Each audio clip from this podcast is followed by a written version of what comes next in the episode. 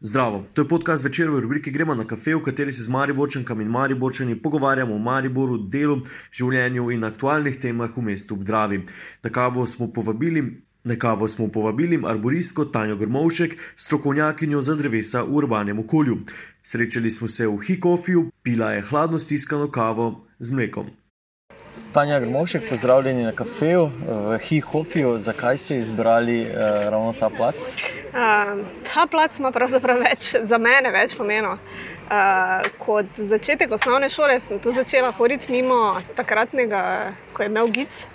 Sem hodila dolgo na uh, baletno šolo, tako da je bila tu redno pot mimo te lokacije. Uh, zdaj pa, ko so obudili to lokacijo, no, ena je, da mi je simpatična lokacija, zelo rada imam kavo in vedno, ko pridem, se prepustim. Uh, Tem njihovim mojstrom, kaj priporočajo. Prijem zelo odprte glave, vedno k njim, katero kavo priporočajo. Okay, mi vedno zapišemo v tej rubriki, kaj pijejo naši sogovorniki. Vi ste mi že prej začeli povedati, kaj je tukaj najboljšega. Vseeno, povejte še enkrat ja. za poslušalce. Glede na to, da je poletni čas, jaz imam rada njihovo hladno stiskano kavo. Uh, in, uh, Lani vem, da sem se spet sem prišla odprte glave sem k njim, da pač nisem prišla točno, kaj bi imel. Uh, in so mi naredili to hladno stiskano kavo z kokosovim mlekom. In vem, da se mi je tako zelo do, dober spomin uh, vtisnila. Zdaj pa, ko pridem do mize, pa vidim, da imate vi tudi podobno, nekaj podobnega, je to presenečenje dobro. ja, ne, poletje je, ne, pri tej, pri ja. tej vročini je. je mogoče lažje preživeti kot pa ob normalni kavi. Ja. Um, vseeno, še, še fajn je, da razložimo malo, v bistvu, s čim se vi ukvarjate um, za naše poslušalce. Ja. Kaj je arborist, kaj počne? Torej, jaz sem doštudirala uh, gozdarstvo v, na Univerzi v Ljubljani in sem zadnji letnik vzela usmeritev urbano gozdarstvo za arboristiko. In smo bili takrat, leta 2000, prva generacija, ki je vse 50-letni takratni zgodovini fakultete vzela to usmeritev, čeprav je bila na voljo že prej. Ena generacija prej je delno poslušala naše predmete, mi pa smo v celoti imeli um, ta predmetnik. In dejansko je bilo to gozdarstvo, nisem šla študirati zaradi klasičnega gozdarstva, se nikoli nisem preveč videla v njem, medtem ko urbano gozdarstvo, pa arboristika, pa sem videla, da je to to. In začela pa sem pravzaprav gozdarstvo študirati zaradi tega, ker je bil takrat uh, naj, naj, najboljši slovenski alpinist, Vanja Furlan, uh, je bil uh, gozdar. In ugotovila sem, pač, sem v srednji šoli po baletu, torej najprej sem plesala na, na špičkah in v gledališču na tleh. Uh, pa pa izhajam zelo tako športne družine, kjer je bil oče načelnik gorske reševalne službe in smo zelo otroci imeli tole zunanje elemente, ogromno smo bili zunaj. Uh, in to mi je bilo tudi pri baletu najtežje, ko je šlo potem, ne, ali boš prešel na višjo stopnjo, ne, torej v srednjo šolo, pa postal pač poklicni, poklicni plesalec. Mi je ta bila največja ovira, da je bilo torej, ta zunanji športi, da niso bili zaželeni. Ne, um, niti smučanje zimsko, to je bilo meni najpredstavljivo, da zaradi baleta ne smela smučati. Um, in potem sem v srednji šoli, je bil čisto normalen korak za mene, da sem se v alpinistično šolo, v prvem letniku srednje šole, vpisala in takrat. Ko sem zvedela, da je, tale, torej, da je večina alpinistov takrat, ne, torej v 90-ih, da je študiralo gozdarstvo, je bil še počkar, pa ogromno jih je bilo, ne. sploh ni bilo dileme, kaj grem študirati. okay, to pomeni, da v bistvu, če malo razložimo, ne, vi hodite po mestu in poznate vse eh, rastline, oziroma bolj vse, vse drevesa. Ki... Ja. Zdaj pa, zdaj pa moramo reči, da tudi to spada zraven. Bravo, Marko, jaz sem zdaj tu sicer. Uh, nič hudega, kar ko se bomo slišali. Prosim, tisto slikico, kaj si mi poslal, da ja. mi še pošli, da bom imela večje, da ti lahko napišem. Ne, en gaber smo obdržali z prve, ja. z prve linije. Ja. Pol pa druge, ko so prišli na zid, so bili dosti manjši. Veš, kakšna je zdaj ja. razlika? Ful. Torej, druga serija je bila ok. Prva. Prva pa ne. Pogrom pogrom. Prosim, pošli, ker te imam tokrat v mislih in ne vem, kaj je to. Tudi ne bom tega pustil, ker to je svinjarija. Ja. No. Zdaj si še bolj vidi. prosim, Puti, hvala. Okay. Srečno. Srečno. Se lahko omenimo, da se je ustavil eh, eh, Marko Potrč, ne, ki očitno je, kaj vaše nasvete prejema. Ja, marsikar. Torej, moja naloga je, da ogromno se pač ukvarjam z drevesi v mestih, urbanem okolju, zavarovanih drevesih, velikih, starih, vseh mogočih drevesih. Uh, in ne samo posamezno, moj cilj je torej celostno, ne? da nimamo samo posameznega drevesa. In Marko se je na mene obrnil v preteklem letu, ker je vložil svoje denarje, sredstva in navdušenje v um, drevo red pred njegovo hišo in so vsa drevesa propadla. In dosti krat se ljudje nam, name obrnejo tako v zasebnem sektorju, ko gre nekaj narobe. Ne? Kar moraš biti včasih pravi detektiv, potem nazaj, da ugotoviš, kaj je bil vzrok, da je nekaj propadlo, da, ker je lahko variant žnjo. ne. Uh, no, in mama zdaj z njim še mama. Da smo pač včasih ne želiš nekoga obdolžiti nečesa, kar ni. Ne? Uh, in smo pač potem sklenili, da rabimo monitoring, pa vlažno stal merimo. Um, njegova drevesa so propadla po, po izvajalčevih mm, sugestij, zaradi tega, ker so bila premalo zalita, dejansko so se pa utopila, dejansko so bila pa preveč zalita, ne? ker so potem naknadno mu še. Eh, Zalivalni sistem namestili, to dodatno zaračunali, tako da imel še zraven stroške, ne? ampak prvotni vzrok je bil pa čist druge, smo ugotovili. Okay, to bom zdaj potem preveril, ka- kateri del uh, objavimo, kateri Ja, del, ja. ampak zelo zanimivo. Zdaj ravno s tem primerom ste dali tudi vedeti, kako recimo vaša služba poteka. Uh, koliko ste v naravi, oziroma koliko ste, koliko ste na terenu? Na terenu so včasih ogromno. Torej, uh, ogromno delam po Sloveniji, uh, imam veliko občin, s katerimi delam, uh, tudi veliko zasebnikov, čeprav več delam na velikih kompleksih, ne? več delam recimo na parkih, ki imajo 500 tisoč ali pa nekaj takega dreves. Uh, in če grem nekam na drugi konec Slovenije, naprimer, če grem v Novo Gorico ali pa če grem na Bled ali pa kaj vem kam, grem ponavadi ne za en dan, ampak grem za dva dni in v tistih dveh dnevih jaz naredim za 4-5 normalnih terenskih Mhm. dni. Ne. Uh, potem pa seveda, ker si tok na terenu, ti včasih malo zmanjka časa za pisarno. Okay. Ja, ampak da, Bogu. Imam dosti krat imam, dva, dva delovnika na dan, ne. torej delam čez dan, potem pa. Če imam kakšna zelo zahtevna mnenja, pa ponavadi imam večinoma, imam, prevladuje polovica mojih strokovnih mnenj, zelo zahtevnih, uh, tisto imam pa zvečer največji mir. Okay. Tako da dosti krat zvečer delam. Ja. Um, ampak recimo, da se to delo na terenu, pa to delo v naravi obrestuje, oziroma je, je, se pokrije potem to. Ja, ja, vse pokrije, ne? ni, ni zdaj, da bi bila neka. Ne? Tudi, ne vem, če grem kobilarno lipico, se mi vedno zdi, Madonna, kakšna služba. Ne? Mislim, si res, dosti krat si res v lepih okoljih. ne. Um, vedno pa je, torej ni samo. To je vsak, vsak, vsako delo, vsak poklic. Ne? Imaš tiste stvari, ki so ti zelo všeč, imaš tiste, ki so ti všeč, pa imaš kakšne, ki ti tudi niso všeč. Ne? In to je ne glede na to, kako imaš rad svoje delo. Ne? Zdaj ravno se omenili, kako je lepo, ne? kje si to mislite v Mariboru, pa če gledamo z tega vašega vidika dela, oziroma če z vašega foha, kako se temu reče. Maribor ima dosti lokacij za mene, takih, ki so zelo lepi. ne. Um, zdaj ne bi izpostavila enega, da ne, da ne bi preveč neke krivice ne, nečemu drugemu naredila. Ne. Seveda jih lahko uh, več izpostavite. no, imamo zelo imamo poudarek na uh, mestni park, ne, ampak potem pa naprimer. So tudi posamezna drevesa, ki so uh, zanimiva, hrast ob minoritih, potem imamo um, kakšna drevesa, ki so sicer manjših dimenzij, ne, ampak imajo bogato zgodovino. Uh, torej zanimivo je, kaj sem skozi svoje delo. Jaz se zdaj s tem ukvarjam že 20 let. Um, kar sem ugotovila, je, da ni samo kar, kar imaš ti nekaj, kar imaš strokovno, ampak dejansko, če jaz vzamem v obravnavo neko historični park ali pa historično vilo. Uh, vedno naštudiram še vso zgodovino lokacije ali pa kraja od zadaj, preverim vse arhive, vso zgodovinsko. Tako da dejansko, da jaz pripravim neko mnenje, pa da razumem neko lokacijo, uh, naredim dosti več nekega raziskovalnega dela od zadaj.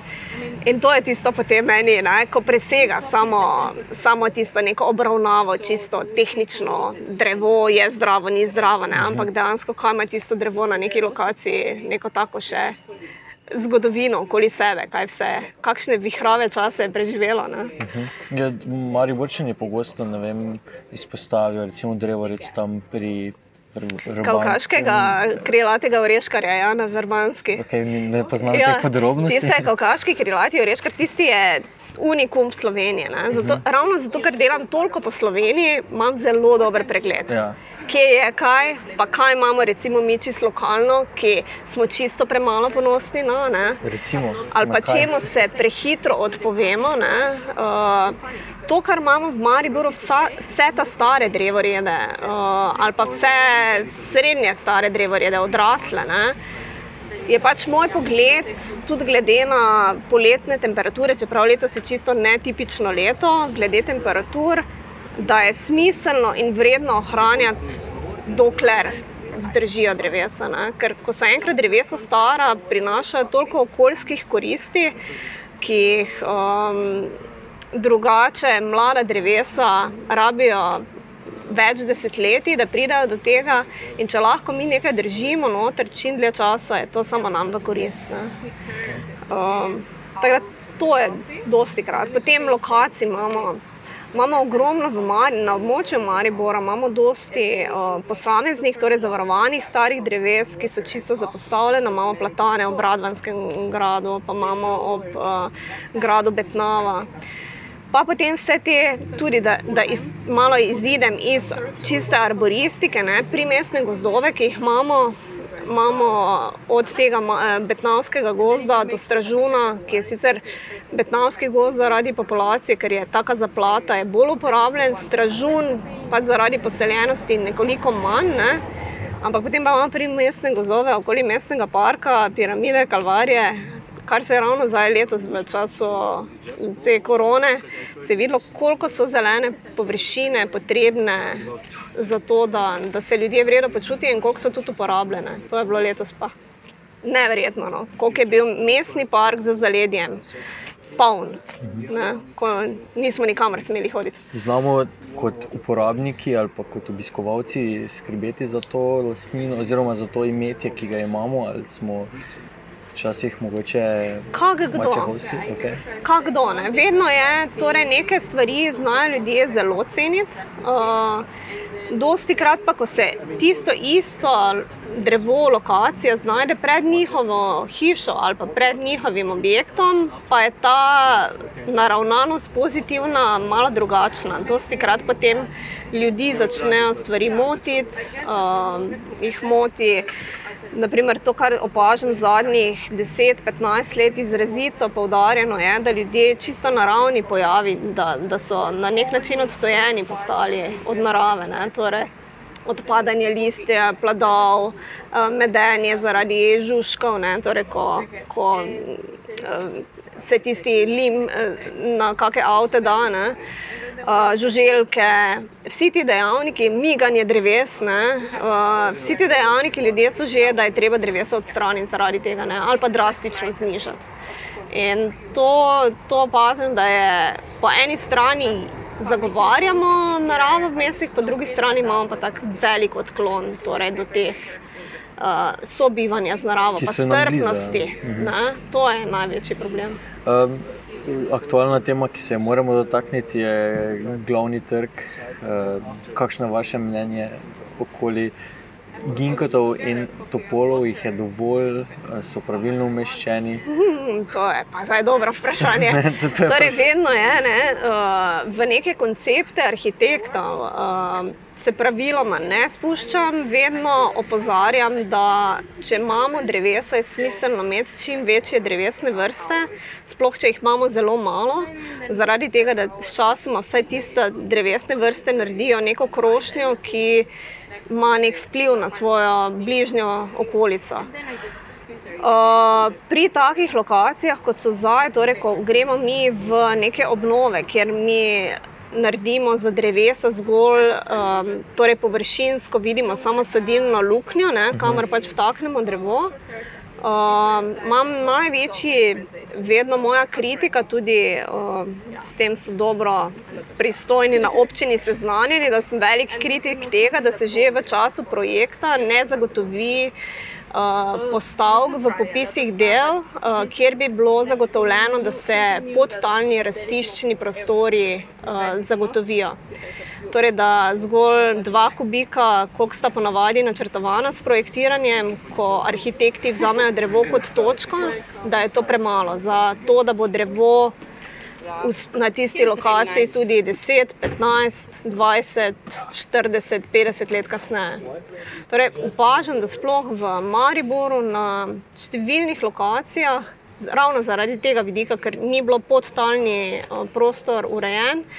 Um, moram dosti dreves dati za odstranitev 20, 25, 30 let po, po sajenju. In drevesa 20, 25, 30 let po sajenju izgledajo, glede na dimenzije, razvite zelo podobno kot takrat, ko so bila posajena. In to je moj največji neki strah, ker se tako um, z lahkoto odpovedujemo odraslim drevesom, pa rečemo, da jih bomo nadomestili. Uh, da tisto, kar nadomeščamo, ne bo nikoli prišlo v to odraslo fazo. To pomeni, da kot mesto, celotno, če gledamo, kar mene najbolj zanima, pač celota, izgublja potem na zelenem fondu. In to so upravičeni strahovi, ki jih različne stroke, različni strokovnjaki poudarjajo že, da rečem, zadnjih 20-30 let. Ne. Torej, ko se pogovarjamo o glavnem trgu, pogosto delamo napako, zato ker gledamo samo to, kako izgleda zgoraj, ne vemo pa to, kako je, kak je očitno za ja. drevo poskrbljeno ja. uh, ja. pod zemljo. Torej, trg Leona Štukla je bil že od začetne faze projektiranja, je bil zasnovan, da so se spodaj urejale rastiščene razmere in da so vse korenine med seboj povezane. In zato so tudi na trgu Leona Štukla večina dreves je, kot da je na, da rečemo, na poživilih, zelo prirastki so nenormalni. Uh, Medtem ko druge lokacije, pa drevesa stagnirajo. Mhm. Tako da, tak da veste, približno, kaj je na glavnem trgu zdaj? Na glavnem trgu so me tik pred koncem kontaktirali, kar so tudi arhitekti bili jezni, ker so rekli, da so pač bile na, njihove ne, napake, da, da bi mogli to že v začetnu, začetku um, projektirati, kar lahko napišete, lahko ne. ne. Um, ampak je, da smo potem iskali neko skrajno rešitev, da bi vsaj malo izboljšali z strukturno zemljo, da smo jim povečevali um, rastišče. Ja, torej, če prav razumem, se tem vse so topoli. Ne? Uh, Mis, niti ne vem, zato ker me ta, so me tako kontaktirali. Ne, vča, včasih ti kliče en, pa ti reče nekaj, ne, potem ti drugi. Ne, in take projekte, kot te zgolj nekdo hoče na nek način izrabiti. Ne, Tega sem imela v zadnjih okay. 15 letih več kot dovolj in preveč, in ne pristajam ravno na tako komunikacijo. Okay, torej, če zdaj, eh, mogoče samo še to povemo, ne, ker se eno delate po celotni Sloveniji. Uh mhm. -huh vzor iz eh, tega vašega področja, katera občina bi lahko bila vzor, kakšna komunikacija oblasti in razmišljanje o tem, kako umestiti oziroma skrbeti, ohranjati drevesa v mestu. Torej, jaz sem leta 2007 sem se odločila, da grem v Ameriko delati strokovni izpit za arborista, svetovalca. In jaz sem bila takrat prva Slovenija, ki sem ga naredila. Uh, ko sem prišla nazaj, beseda arborist, arboristika je bila neznanka pri nas. Ne. Kljub temu, da ima v tujini uh, več kot 100 letno, 120, 130 letno zgodovino, imamo inštitute arboristične. Ne. Um, Tako da vedno nekako orjem ledino. In ko, tudi ko sem šla v to, recimo moja, moj kaliber, ne, moj profil ni obstajal. Uh, in sem vedela, da bo to tek na zelo dolge proge. Kot občine uh, ali pa neke lokacije, bi rekla trenutno, da je vse še v fazi razvoja. Zagotovo bojo, ko bom jaz šla v penzijo, bojo generacije za mano imele že utečeno, že zaje, dosti bolj utečeno, ne? uh, neke prakse. Um, dosti je pri, ravno zaradi tega, ker je stvar toliko, je, da prebijaš z temi idejami, kako skrbeti za drevesa, torej ne samo kot točko, ampak da jih gledaš kot živ organizem, ki, ki je dolgo živi, ki, ki bi naj živel, ki ima svoje potrebe.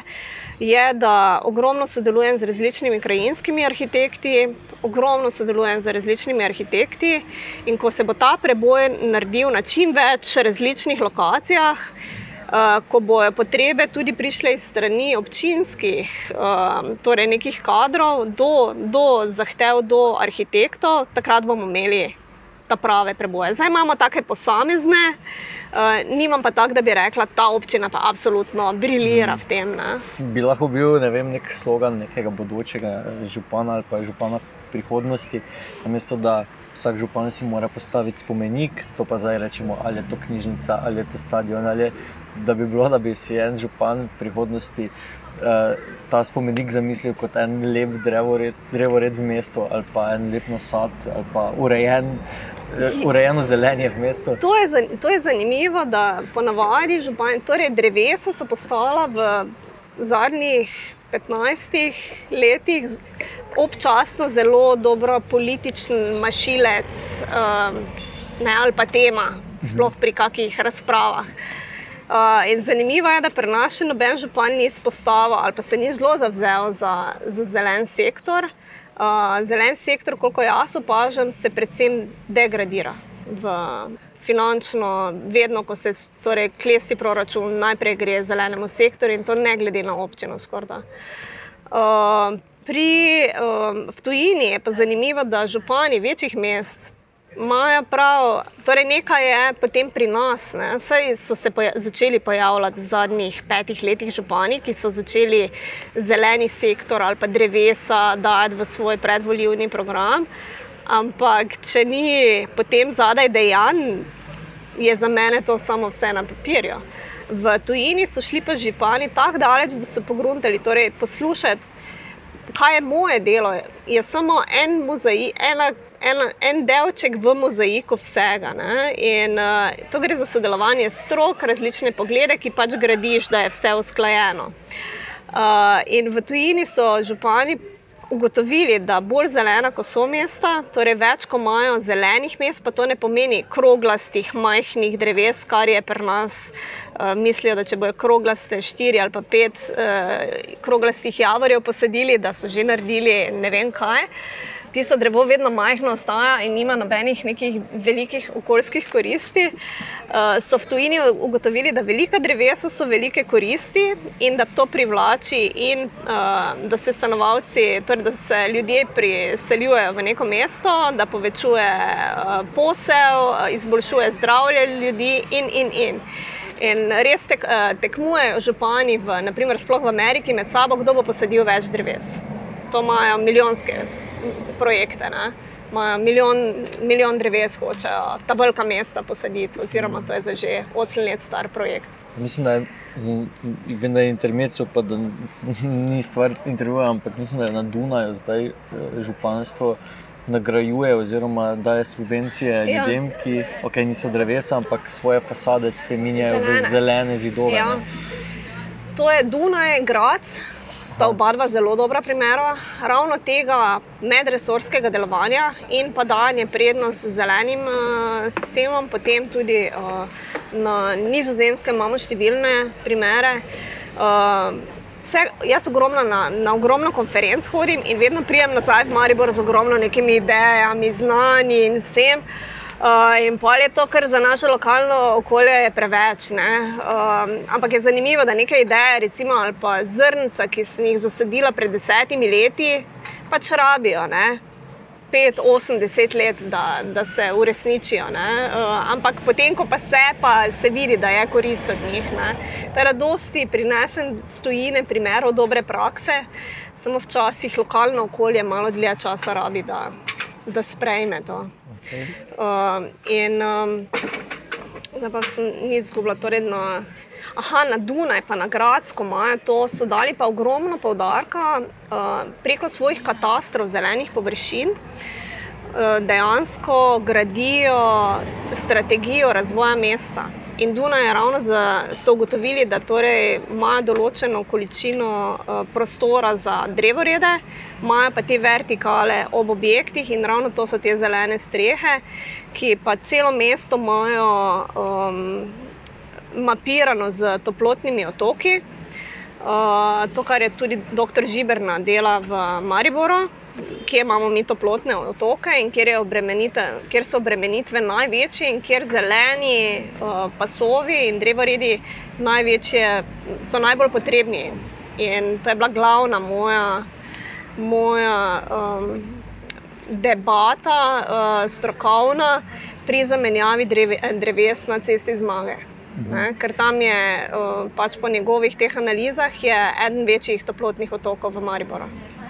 In drugo, kar pa se je potem občina celo prisluhnila, kljub nasprotovanju mestne četrti Ivan Cankar, je pa drugi večji taki toplotni otok, ki je pa okoli železniške postaje. In tam sem jaz računala, da je skoraj 8000 km2 asfaltne površine in lokalna, torej mestna četrt, eh, pred leti ni dovolila saditi dreves. Uh, potem pa ne vem, na kak način je to občina čez par let vseeno izvedla, da, da je ta toplotni otok, da se začne vsaj malo zmanjševati. Mm. To so drevesa. Torej, eno je, da imamo um, čisto lokalne probleme, drugo pa je, da, da, da pomenijo tako velik pomen za, za prijetno bivanje v nekem mestu, da se ljudje tega sploh ne zavedajo. In to me vedno znova na nek način šokira od vodstvenih delavcev, da se tega ne zavedajo. Ne. Mm, Dosekrat pa opazimo tudi ne vem, pri nekem vzdrževanju ali pa pri sanaciji, ali ne vem, kako se piše obrezovanje, ja. dreves, da se dosekrat delajo kakšne napake. Ne. Mm, ja. Tu, tu se je verjetno odnos več ni pravilen včasih. Torej, Maribor je bila prva občina v Sloveniji, ki smo leta, od leta 2004, gospa Lenka Všem, začela pripravljati pravilnik za vzdrževanje lesnatih rastlin, ki bi ravno preprečevalo tako slabo vzdrževanje. In potem je bil ta pravilnik končan leta 2008 in je bil tudi sprejet takrat. Tako da imamo, smo imeli takrat kot prvi pravilnik za nego, načrtovanje in vzdrževanje lesnatih rastlin, v katerem je opredeljeno, da, eh, kaj je ustrezna njega dreves in naprimer, da obglavljanje ni dovoljeno. Uh, pravilnik se je lahko zaradi slovenske zakonodaje takrat sprejel samo za javne površine, tako da to ne dotika se vseh površin na območju Maribora. Uh, ampak je od leta 2009, torej v Mariboru, v obcestnem javnem prostoru, ne izvaja več slaba njega. Ne? Tudi že 2008 se ni, ampak zato, ker se je prej je ta učinek se začenja zdaj kazati, ne? da ljudje pogruntajo, da, da ko se en drevored prav uredi, dejansko zgleda, kot da nismo nič naredili, grejo pa mhm. veliki uh, kamioni, vej uh, ven, ne? ampak drevo pa zgleda normalno, se je ohranil habitus. Uh, zanimivo je, da je za nami je mestna občina Ljubljana zaprosila, če lahko ta pravilnik naš povzame. Občina se je takrat odločila, da ga lahko, tako da je dejansko pravilnik um, dan splošno uporabo in Ljubljana je v preteklem letu. Torej, več kot deset let kasneje je uspela na podlagi našega pravilnika sprejeti svoje smernice. In to smo, pred Ljubljano. Bravo, deset let, kdo bi si mislil. Ja. Um,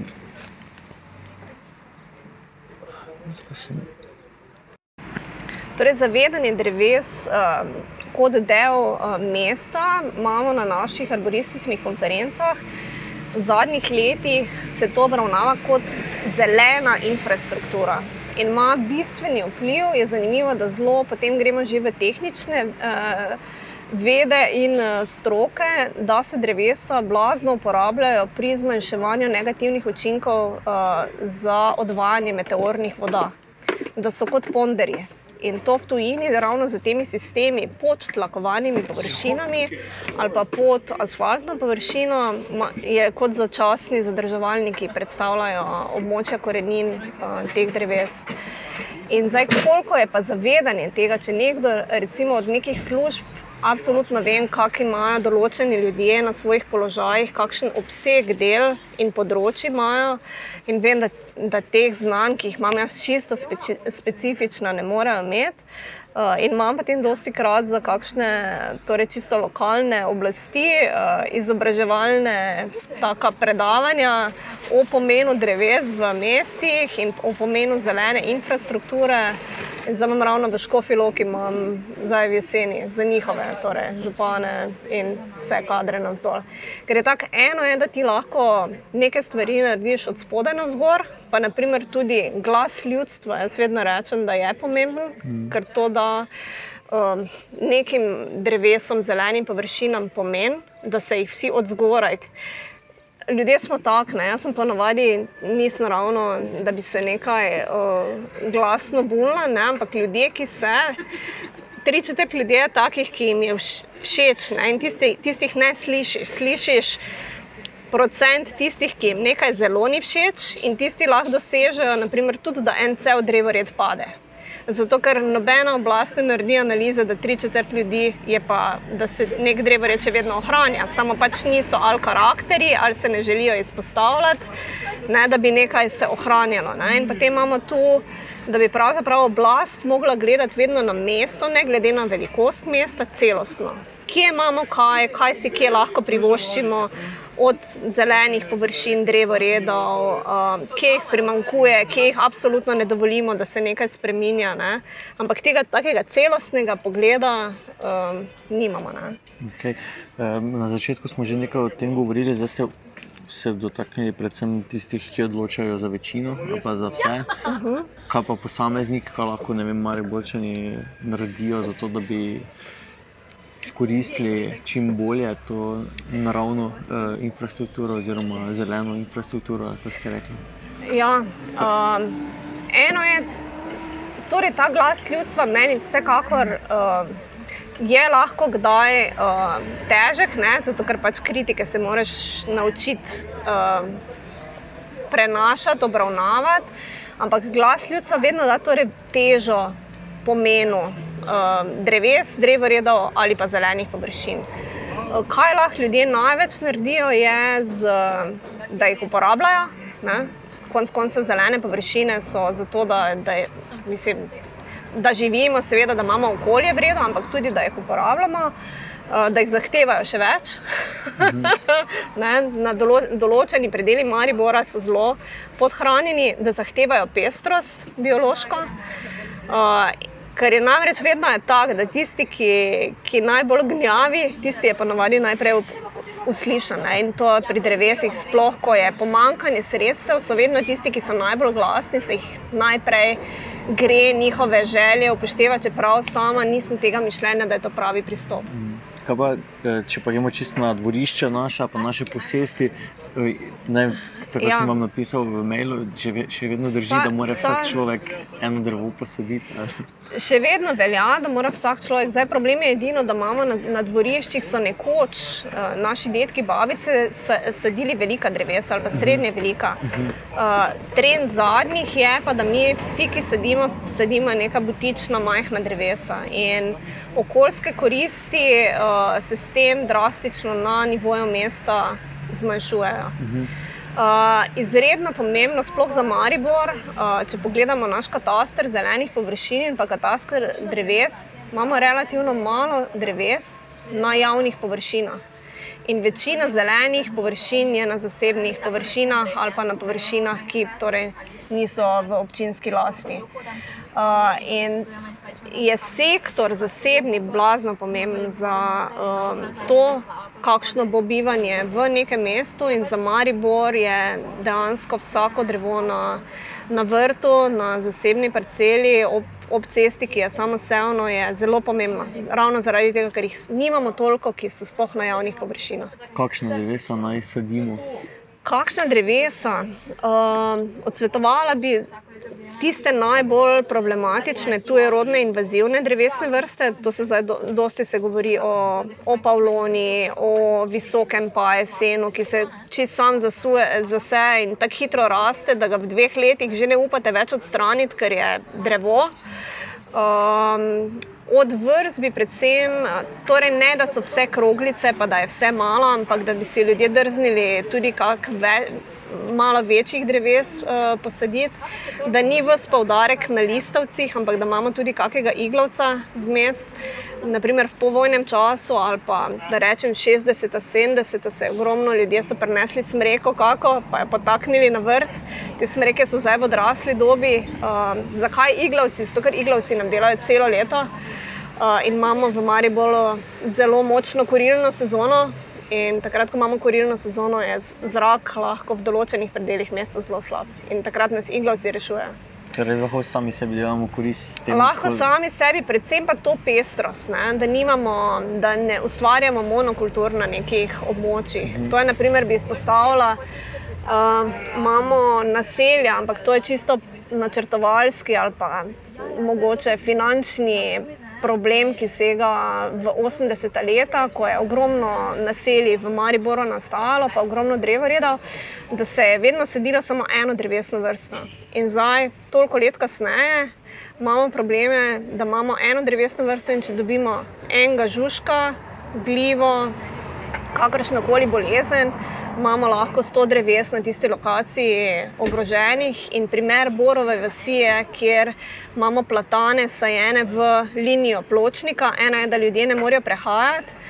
Uh, ampak drugo je, pa, če ta drevesa ven vzamemo, se bodo stanovalci tam, se jim bodo tako drastično poslabšale razmere za živeti, da si sploh ne predstavljajo tega. So pa vedno pritiski in zahteve, da bi se drevesa na številnih lokacijah, predvsem okoli več stanovanjskih objektov, da bi se odstranila drevesa. In tu vidim največji pritisk zaradi tega, ker imamo vsa drevesa enako stara, pa isto vrsto drevesa. Torej imamo enako problematiko kar je izziv za naslednjih 30-40 let zelo velik, da bomo ljudem sploh zagotovili, da bodo imeli um, dobre pogoje za bivanje. Če se si vi želite v Mariboru, če lahko ja. pogledate najprej iz svojega um, področja, najbolj, potem, pa, potem pa čisto na splošno. Najbolj, najbolj si želim takega celostnega upravljanja z z zelenim fondom, torej da, da nijemo samo posamezne lokacije. Kar sicer v zadnjih letih smo že prišli od točke, da se ne obravnava samo eno drevo, kar je pač nekdo klical od stanovalcev, ampak da se obravnava cel drevored potem, ker ko bomo prvega, prvo drevo uredili, bo naslednji sosed klical. Tako da to je velik preskok bil, da se zdaj poteze drevoredne uh, obravnavajo.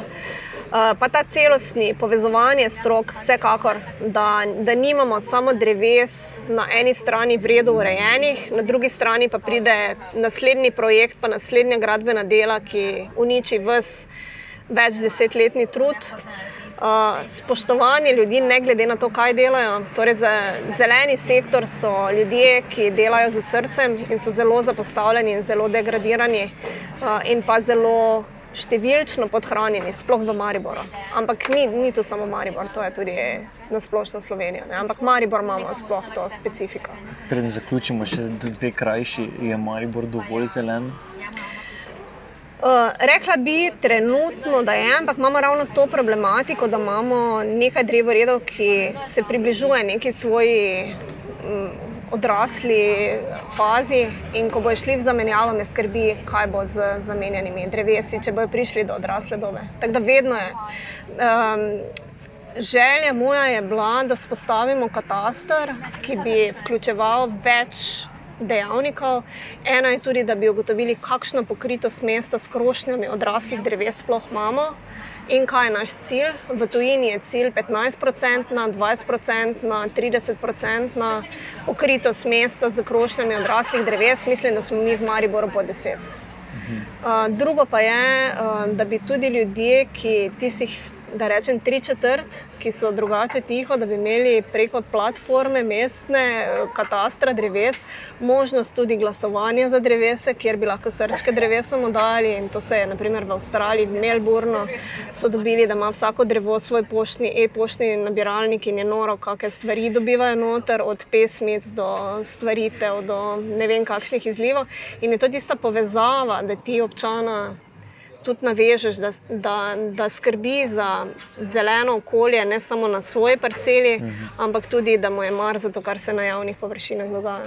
Okay, Zdaj, zadnje. Uh, je, je kakšno drevo, ki je pa res mariborsko, da bi rekli, rekli da je recimo, svojimi lastnostmi posebej Maribor če ni nič narobe. Uh, vsa drevesa, bi jaz rekla, vsa ta stara, ne, okay. so trdo živa, ne, okay. ne glede na to, kaj se dogaja z njimi. Uh, imamo hrast pri minoritih, ki je številna gradbena dela doživel, pa še vedno straja. Uh, Eh, pa ga imamo kot nekega takega tihega um, opazovalca, potem imamo Ginko pred Slomškovim trgom, ki je pač zaradi svojih posebnosti, ampak mogoče tudi eksote, uh, dokaj. Potem eno bolj nenavadnih mariborskih dreves, ki sploh ne sodi v. v Kategorijo stara drevesa je lipa pod streho na Mariborski avtobusni postaji. Drevo uh, je pod stekleno streho. Meni se zdi, če bi jaz bila tisto drevo, ko ti pada dež na tisto streho, ti pa ne dobiš niti kapljice, uh, bi se mi zdelo, in ni bilo niti načrtovano, da bi drevo kaj dobilo, ne?